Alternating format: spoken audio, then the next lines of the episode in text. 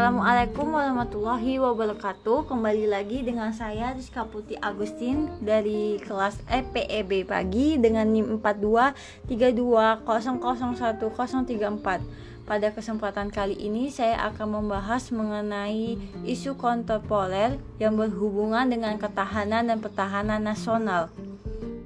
Judul isu yang saya angkat ini bahaya berita hoax kata TNI Sumber berasal dari suara.com, Kepala Pusat Data dan Informasi atau Kapus Datin, Kementerian Pertahanan, Masma TNI Yusuf Jauhari mengatakan, berita hoax dapat mengganggu keamanan ketentraman masyarakat. Sebuah berita hoax dapat digunakan untuk menggiring opini masyarakat yang dapat menimbulkan ketidakstabilan politik kerugian secara ekonomis, atau bahkan menimbulkan kegaduhan bila bertentangan dengan kondisi sosial budaya. Ini salah satu ancaman atau melalui red cyber, kata Yusuf Jauhari dalam keterangannya tertulisnya di Jakarta pada hari Minggu. Dalam kasus lain, suatu kebocoran data baik secara sengaja maupun akibat pembobolan sistem teknologi informasi dapat digunakan untuk menyerang suatu negara dari segi pertahanan dan keamanan.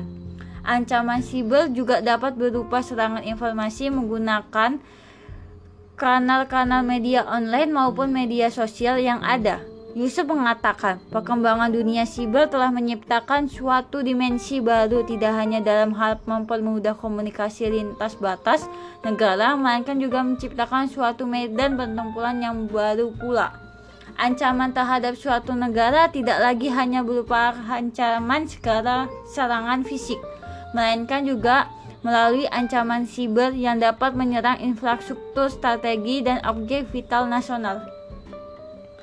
Katanya dalam paparan di Seminar Nasional Informatika yang diadakan oleh UPN Veteran Yogyakarta pada tanggal pada hari Sabtu tanggal 26 bulan 11 dengan tema Defense menjaga keamanan data dalam menghadapi cyber water warfare untuk memperkokoh kedaulatan negara kesatuan Republik Indonesia. Oleh sebab itu, menurutnya menjaga keamanan dalam perang siber merupakan satu hal yang positif, terutama dengan adanya perhatian mengenai perlunya peran generasi muda untuk berkontribusi secara positif dalam keamanan siber. Pengalamannya di masa lalu seperti serangan siber di Estonia pada tahun 2007, serangan di malware Stuxnet yang menargetkan sistem Supervisory Control and Data Equation atau SCADA hingga kejadian makarnya virus ransomware Wednesday yang menyerang beberapa fasilitas kesehatan di dalam negeri menjadi sebuah pelajaran berharga bagi kita untuk mempersiapkan diri terhadap ancaman peperangan gaya baru jelasnya. Meski demikian, Yusuf melanjutkan, Indonesia patut berbangga.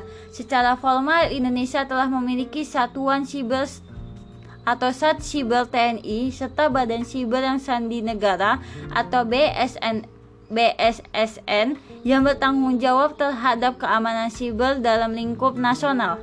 Hal ini telah menunjukkan bahwa pemerintahan memberikan suatu perhatian khusus terhadap kesiapan di bidang siber, katanya.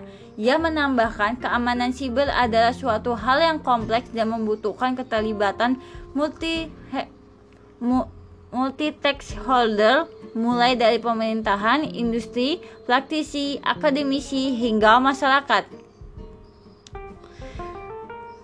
Dari kasus berita yang di atas dapat kita ambil kesimpulan bahwa berita hoax sangat berpengaruh terhadap pertahanan ketahanan di suatu negara karena dari berita hoax sendiri yang menyebar dapat menyebabkan perpecahan dan pertikaian di antara masyarakat sehingga masyarakat tidak utuh kembali dan tidak menjadi kesatuan yang utuh.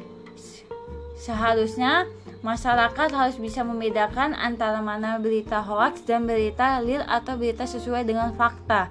Demikian yang dapat saya sampaikan. Jika ada kesalahan, mohon dimaafkan. Wabillahi taufiq walhidayah. Wassalamualaikum warahmatullahi wabarakatuh.